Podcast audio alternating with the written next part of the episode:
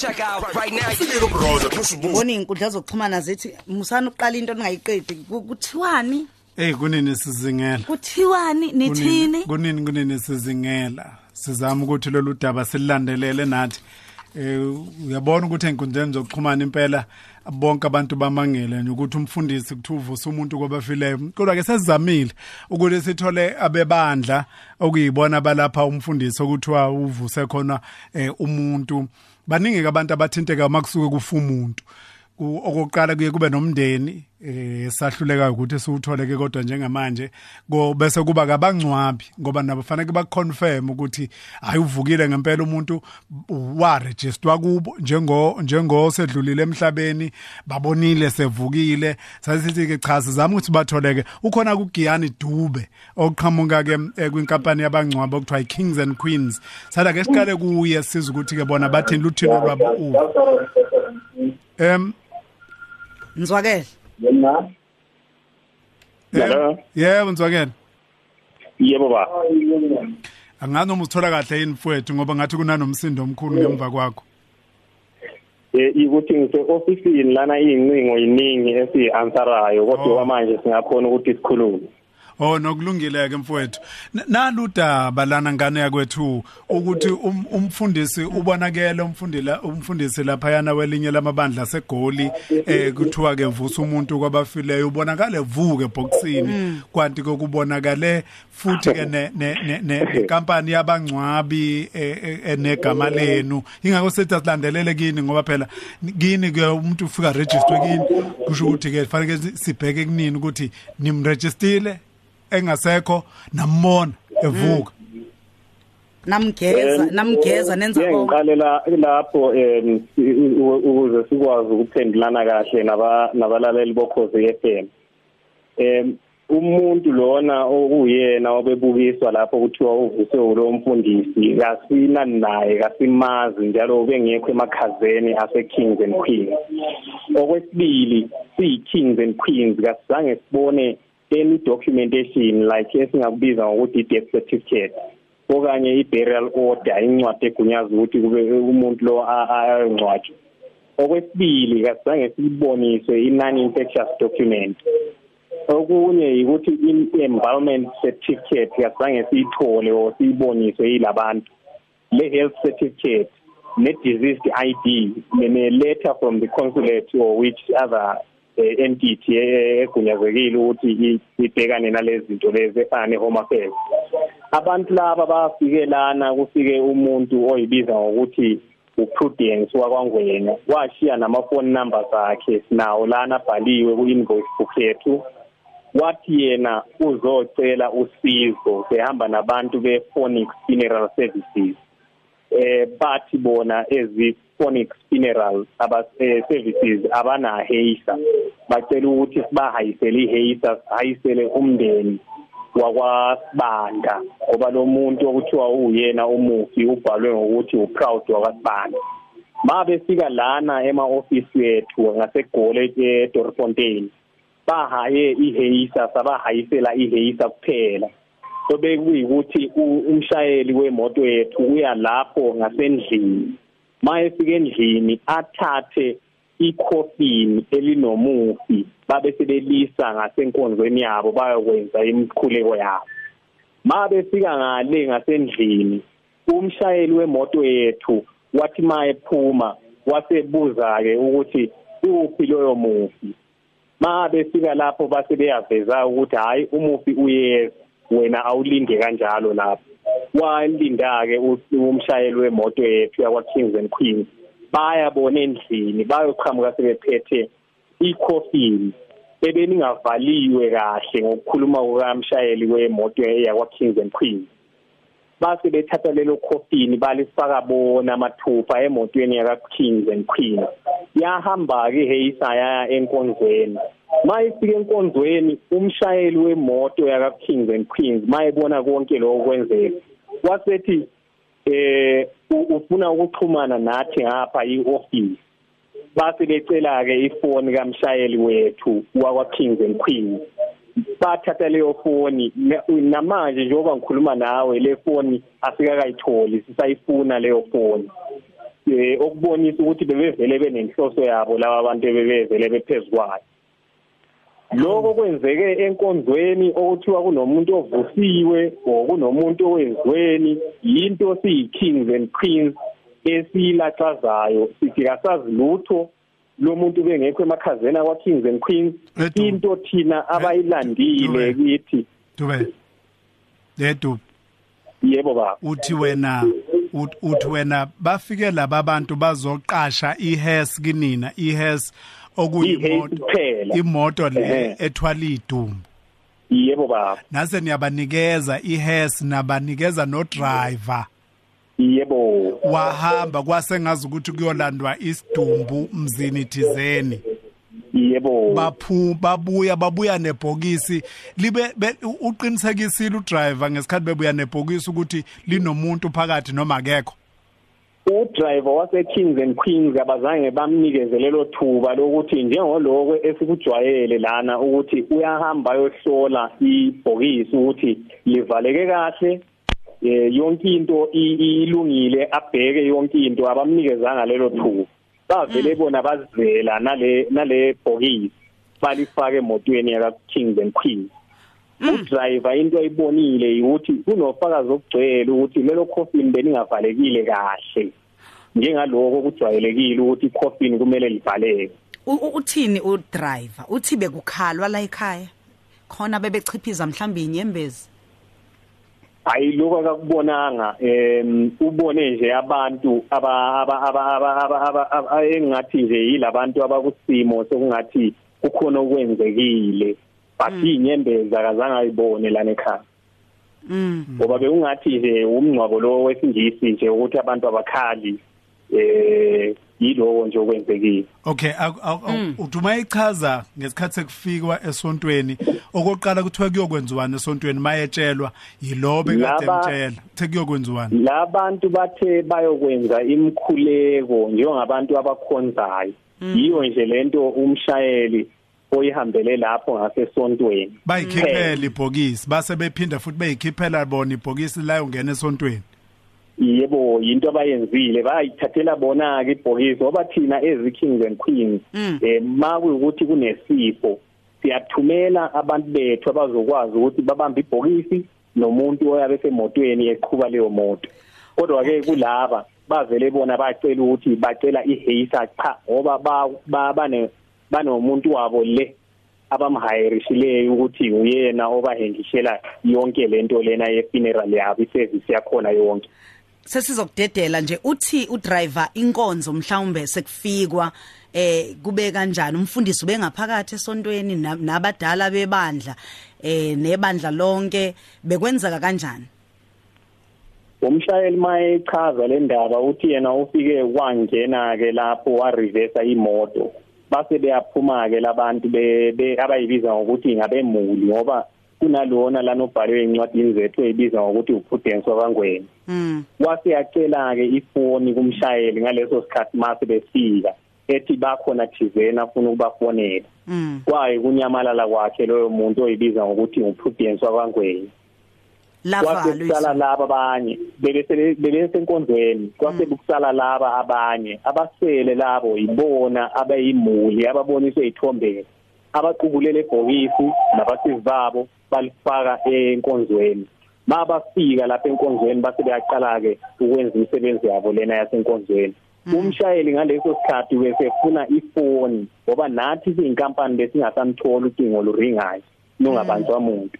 Mm mm yo manje ke mase kwenzeka yonke lento sesibona thina seku Twitter nabantu sebefonela lana ukuthi Kings and Queens kunomuntu obelapho ovuswe emathuneni into efana nalezo nje singazazi ukuthi kusuka phi kuya. Mhlambe ngesikhathi ngaphambi kokuthi ngaphambi kokuthi asuke endaweni ese lapha esontweni yini athi uyibonile egcine noma utshelwe ukuthi usungahamba umuntu obekade sizomthwala ngale hes usevukile. Yini ayitsheliwe nje ngaphambi asuke?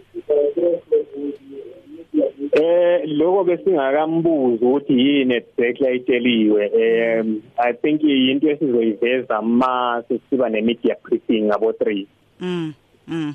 Yebo baba. Ha. nokulungile mfoka Dube hey. Lungile mfokadube u- luudaba lo labalaleli bethu olu oluba oluvelelwa baqwebula amehlo ingakho sithi asinifune size sinithole. Solokhu silandelileke solokhu sibeke nanendlebe nakho ngoba kuvela nabantu abahlukahlukene. Siyabonga nesikhathi osiphe sona eh mfoka mbuyazi hayi ubongekile baba siyabonga. Hayi sibonge na. Yo. Eh Uphi uJathu makunje? Ngiyamthanda uJatha kulezi insuku. Ngoba ngabe uJathu bezoyisho lento. Athi insuku zokugcina bakwethu. Esiphila kuzo. Sheng. hayi Ngoba uyabonakala ongumfundisi naye osazoyiphendulela. Ngoba thina singasho sithi umuntu akavukanga kanti umuntu ngempela ngempela. Well sikhuluma simzamile ukuthola abebandla eh inkosazana kuyiyona esizokhuluma nayo. Ithe kwi ine meeting nezinamanye ama nezinye intatheli kwalesi sikhathi. Kodwa kube sithembisile ukuthi makuhambe kahle siyokothi sothi siphuma sobe sesimtholile sisathembile kulungile mroza. Adlulisa sikuphetheyo simbheke ukuthi singakwazi nokumthola.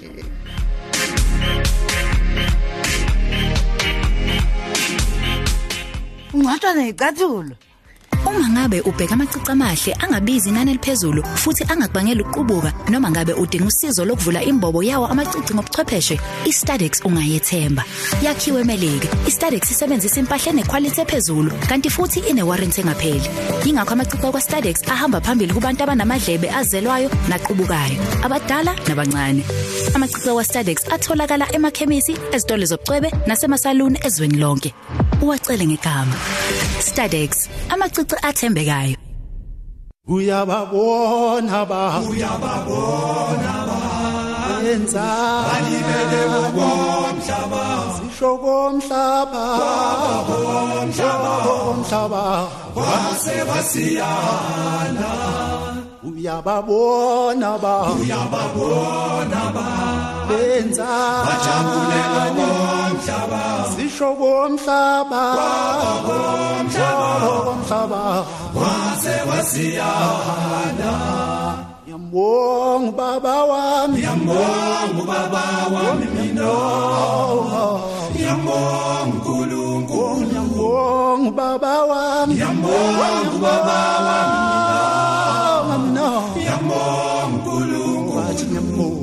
Baba wami Sengi yambong yambong baba wami mina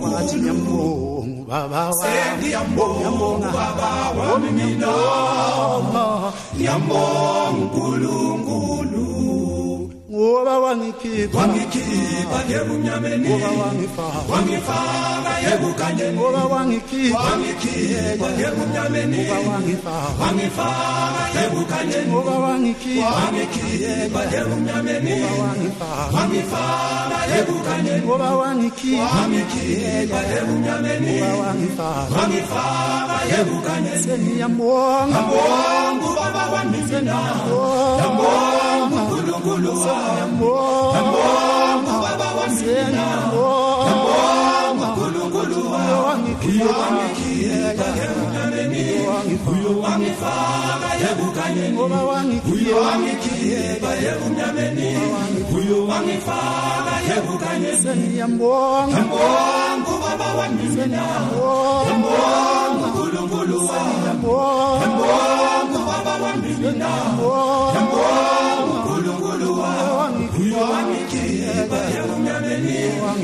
wangifaka ebukanyeni uyo wangikhipha emnyameni uyo wangifaka ebukanyeni uyo wangikhipha emnyameni uyo wangifaka ebukanyeni uyo wangikhipha emnyameni uyo wangifaka ebukanyeni sengiyambonga mbonga baba wami sengiyambonga mbonga uNkulunkulu wami sengiyambonga mbonga Baba amantombazane ke le abafana basho njalo bathi ke uyababona abantu. Eh bathi bambonga kakhulu nabo impela umdali wabo ngazo lezi ikhathi lezi zokugcina. Esikhuluma ngazo ke njengamanje sizamile ukuthi sithole ke nabebandla eh bashi bazobuyela kuthina nje 30 minutes. Silo sizamile ke sesiyabona size siyaphuma. Sizozama nakusasa futhi ukuthi sithole ukuthi ke ingabe lolu udaba lugcinele kanjani. Sengibuka nje ukuthi kazi esefika umshayeli omakhelwane kazi bebazi into kushoniwe umuntu ufanele simthole omunye yazi ukuthi ubani. Uyu prudence ukhamseleni umufi. uprudence sazi ubani uzofendela ukuthi uma sevukile umufi enjobe lokho eqalaza eqalaza yonke indawo sifuna ukumthola ukuthi uboneni la ebekhona. Nanokuthi ubani obesepheke lokho yakudla isidumo ubani olethe iplate kumufi? Sekuthiwa kadle akathathwanga ngana yise kodokotela kuthiwa ngoba usebuya nasemakhazini. Sizokubuza ke kusasa konke lokho. Yonke lembuzo umroza ayi ayivezayo manje. Siyibuza kusasa soyibuza kubona bonke laba bantu. Eh usisi okuyena o- owaya lapha wayo wayoqasha ihesi imoto ethwala idumbu. Uye futhi bewazi umuzi la kushonwe khona. Ishone phi phone? Nekuthi ishone phiki ifone manje kamshayeli ithathelwe ibhokisi lona belicushelwe kusho ukuthi ugayimenti lo yakwazi ukuphefumula ngoba belingavaliwe kahle. Why belingavaliwe ngebhokisi? Well uzositshela prudence oh. Prudence uzositshela. Prudence wazi kahle ngoba yibo abathatha ibhokisi lapha yabaliletha eh kwihes lasuka balithwala ngehes laze layofika esontweni. Uyazi umuntu owazi ukusuka nokuhlala kwayo yonke lento uprudence. Uma ewuprudence. Ngolwazana lami oluncane umuntu uyayahlinzwa emeshonile akhishwe izithi ehe yonke into uguy lo ophume wakwazi nokudla ukudla same time. Indlela aqhaqhazela ngayo masedla ubani obemshutha? Ngalesi sikhathi esedla lapha esontweni. Ubani lo we microphone lo mama we microphone okuyena obemangala? Jesus ethi Jesus. Wavuka umuntu. wabonile amandla lwamama wabonile mama wabonile amandla. Phuma kukhona ngisho umfelokazi nophelezela umfelokazi. Hayibo. Umngani kamfelokazi phela uma ushonela uba nabantu abaseduze kwakhe. Cha kodwa kusasa uma singaliphothulanga lolu daba socela ku programs manager. Angidedele mina. Ngahambe ngiyaliqoqa lolu lwazi. U- u- wesishele, Ngoba lalela. Ungahambi sinofokolo kuphela. lapha sinofokolo Ungahambi siyongena umuzi kuphela. imizi nemzana thina. Cha ungahambi kuphela. Uze uyofika ekutheni uma bese liphuma esontweni ibhokisi belizoyaphi ubeyongcwatshelwa kumuphi umgodi? Sathi thina sizo- sizozula size sinithole sizwe sizwe kinini ukuthi ke kwenzekeni. Sisibuze sithathu sibeke ukuthi kwenzekeni. Okay. Eh ufuna ngiqale kuphi eh eBootsbu? Ngiqale eh eh, from esontweni ngoba ngoba lide lelibali leli. And I don't think uh, you've got that much time.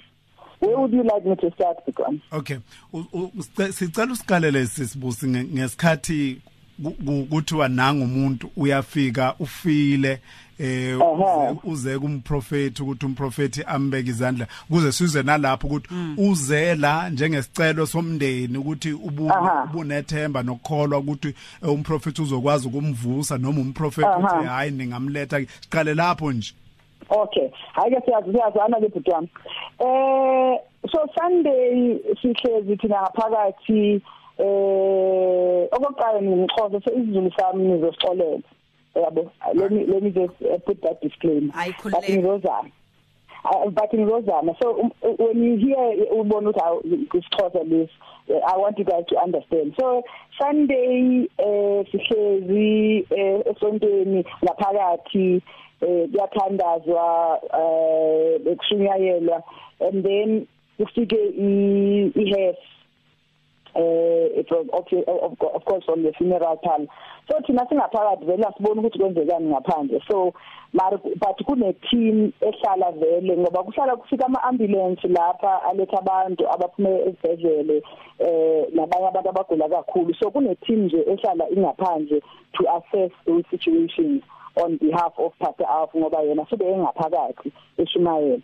So the team went of course mabebona kufika funeral um uh, um services uh, vehicle they went and assessed. Malefika khona eh babuza ke umndeni ngoba umndeni eh so umela around imoto le babuza umndeni ukuthi kwenzekani.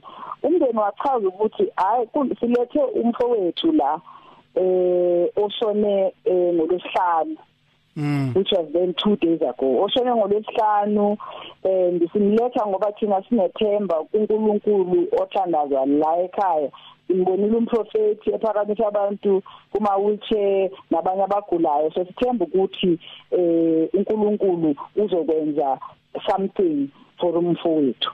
Mm. then baze bathi bona inkinga not inkinga but what surprises us is that uthe makufika la imoto imisa sezingathi kune movement kwibhokisi right ngaphakathi. So that is what then made laba laba bantu ukuthi bagijime baye eh, kupasta ngoba if bengena movement i'm sure they would have taken a different uh, direction. You get what I'm saying ngoba akusiwo umuntu oqala oshonile olethwa eAMI lapho umndeni uthemba khona ukuthi eh uzokwazi ukukhuleka umprofeti eh, avuka umuntu wakhona. It's not the first it's not the second it's not the third.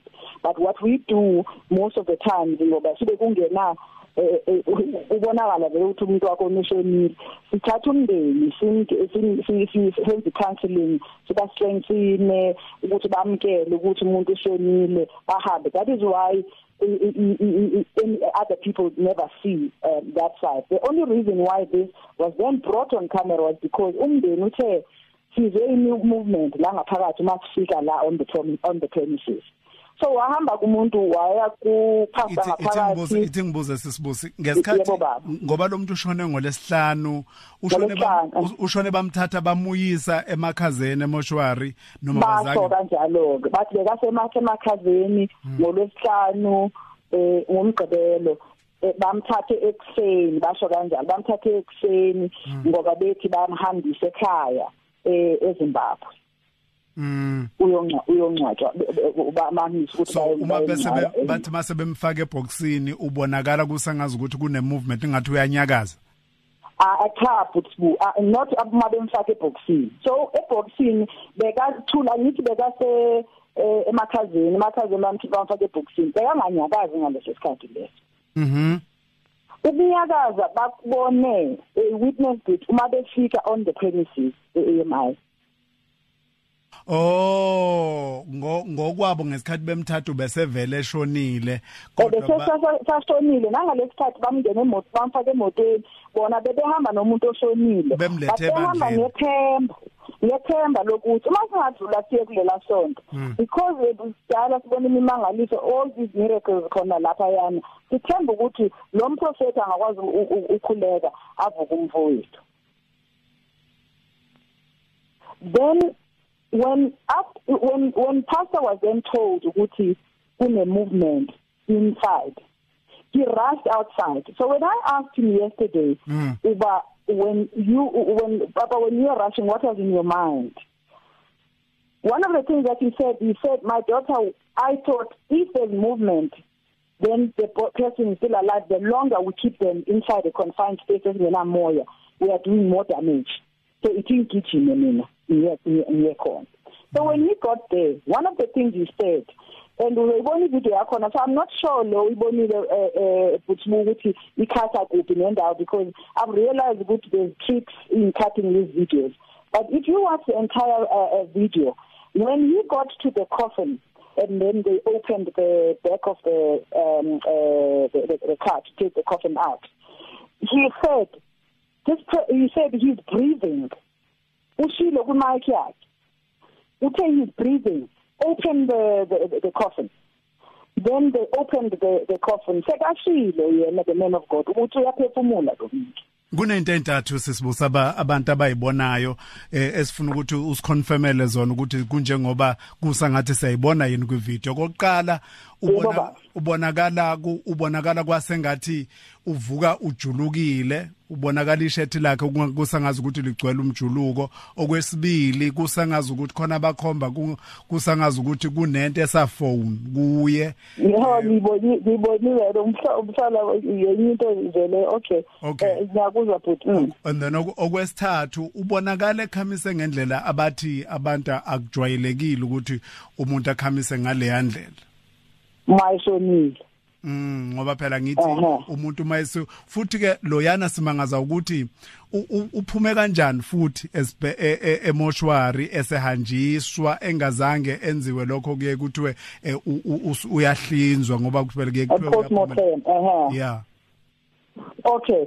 Eh ngizo- ngizoqala ngale yokuqala ke eh, Butbu ukujuluka lokho mina ngokwami ukubona ngiku- angikubonanga ukuju- ukujuluka but i cannot dispute ukuthi there could have been water. If this person bekasemakhazeni do you know how hot it was esenting ngalela langa? Beku 32 or 33 degrees.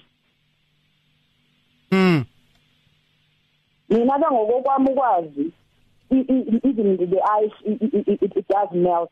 It, it, I don't know if it is about uh, sweating or ice melting I don't know but ngisho kanjalo nje mina I didn't see that part I can't I can't lie I'd be lying if I say I saw it but I'm not saying it was not there there's a there's a justification for it. It could have been ice in Nobiliga because it was hot. It was hot outside, very hot.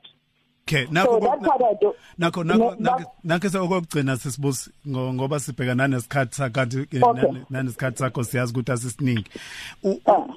kunezithombe abonakalayo e- eyivelayo la esinye salezi ithombe kubonakala umprofeti ekhulekela umuntu obonakala sengazi ukuthi umama omdala esibhedlela Ngibonile le. kunomuntu la kwakhe kwasengazi ukuthi uye lo muntu lo ucameraman amahlaya lawo bhuti ucameraman ngalezo sikhathi the same camera guy it's just that we run 10 cameras at any one time. The camera guy at that time was at the media desk. He's one of the ministers lapha ezontweni. His name u- u- u- u- minister uh, Anele Gwenzi ubaba wakhe is one of the bishops lapha esontweni ukhona lapha. Amahlanga la it's, it's it's what media I suppose they are creating entertainment for themselves. Lena lena ye postmortem lena postmortem ukuthi Postmortem, Baba, I, I, can't comment on, on, on that, to be honest with you, because that's a family thing. In- in- in- indaba ye-family ukuthi umuntu uyahlinza or akahlinza okokuqala okwesibili baba so singa eh, confirm i-postmor- ukuthi bengahlinziwe lo ulo emoshwari Abe- engahlinzwanga Ah benga benga bengahlinzi impela. I mean I could I could also see ukuthi akahlinzi but postmortems baba are done from Monday to Friday. Uyavumelana nami because they are done by government um institutions. On Saturdays and Sundays they don't do unless if it's something that is ordered by amaphoyisa because they are investigating or something like that. Dadwethu isikhathi kuningi besingakhuluma ngenxa ke That's yokubanjwa fine. isikhathi ngokubanjwa isikhathi. Kodwa mhlawumbe nje besingabheka nje ukuthi mhlawumbe ifoni i- ngoba kamshayeli wehe sengathi isadukile. A- a- a- aninalo ulwazi ukuthi ngabe angazi ku- ngizwile indaba ngizwile indaba ye ye phone and siswam there is so much that is untrue on the interview yal- yaleyo muntu when interviewer wama uh, from the um, uh, funeral services. Very very untrue. I heard the interview. I've got it here. I can even send it in the whatsapp to ikutsibu ngiqaphile lapho ku izinto ezi- ezingekho true ngakhona okokuqala uthi ibhokisi ikhishiwe yangeniswa ngaphakathi sakhuleka ngaphakathi. That's not true. So, so I have a problem with people who make statements as ngamanga because then I don't trust anything that is in the entire uh, uh, uh, testimony. Yeah, yeah. Okay, cell phone that driver. I mean, I don't know. Uh, ngaba ngiqamba amanga because that part was not on the camera on the on the camera ibonisiwe mina Ah. be- njengoba bengingaphakathi nje angibonanga cellphone ngibani onikeza ngecellphone yakhe yena ukudla In umbonile 2019. edla umbonile edla ubani baba Uma- ubani sisam Um- um- umbonile edla yena u- umufi Oh, simbo simbonile ngoba u- u- i- the the re- the reason ebela ngaphakathi angithi lesithando sesisizwe o- ukudla kwasebandleni manje? Yes but siswam so this is the other thing. Yeah, that's why ngiya- ngiyahleka ngithi amashani we had check abantu esontweni basuka from 3 am bahambe ngabo 6 sine sinekhisi kuyaphekwa ukudla kudayiswe ngaphandle kuma caravan nakuma kiosk kunepapa eliphekwayo kunenyama i- what what thina as Africans no- eh, normally eat okokuqala okwesibini besirun iprogram esiyibiza IVP which is called International Visitors Program. Esipheke esibaphekela nelunch. Njengebandla ke sekuvele yonke lento le ni- nike nayihlupha ngokubheka ukuthi beguliswa yini ama yonke izinto ama documents aqhamuka kodokotela wabulawa yini wafa ngasikhathi sini eh, elakhe lokugcina lathini esedlula emhlabeni eh, uqokiswe ubani ugezwe ubani izinto ezinjalo nikwazile ukuyihlupha emveni kokuba senithole yonke into eyenzekile. Okay, Emve- so what nanokuthi we- nanokuthi ke njengamanje uphi ume kuthe umeqeda ukudla wayeseshonaphi Okay, so this is what we did ke sishwami. Eh isonto i-service siqede ngabo serana ama service awu 3. So le service eh where this took place was the second service. We ran a, a third service. After third service, ingeni was still there. Ba interview uh, uh, uh, uh, the whole family uh, to, to get the information or or or, or, or so. But bekumnyama i- then after that they needed to go home. Actually the pastor insisted that this guy needs to rest. They needed to go home. And he asked them ukuthi when they either izolo or namhlanje bangabuyela esontweni so that we can continue recording their testimony their okay. testimony. Nokulungile sisi. Uphi pho manje? Uphi manje yena? Use- I, sesekhaya I, leZimbabwe I would imagine akayanga eZimbabwe babuzoya kanjani eZimbabwe bekala? Usakhona la? Ula okay. And No. if uyile eZimbabwe I- I- he doesn't have to inform isonto ukuthi uhambile ngokokwathi kwethu kwazi usasekhona lo muntu la. Kusho ukuthi njengamanje akana ID akana akana passport. Angazi ke lapho ke emaphepheni lesiswami okay no kulungile dadewethu. Angazi we need to be very careful when we quote things like this because it can get omunye umuntu in trouble. Okay kulungile so sisibusa i haven't asked him for his IDs and passport so i don't know if he has or he doesn't have. Sibonga isikhathi esiphe sona sisibuse siyabonga nanencazelo nje osinikeze yona. Kubonga mina bhuti wami okay kade sikhuluma naye ke ubusi gaca gaqa gaca. Gaca. Yeah uyi public relations officer uyena umxhumanisi webandla iHallelujah Ministries esinikeza ke okuyikona okwenzekile ngalolu yasuku. Home affairs kusho ukuthi sazoke abuyise emuva ngoba useze wabhalwa wathi disease Ukhosi FM luhamba phambili.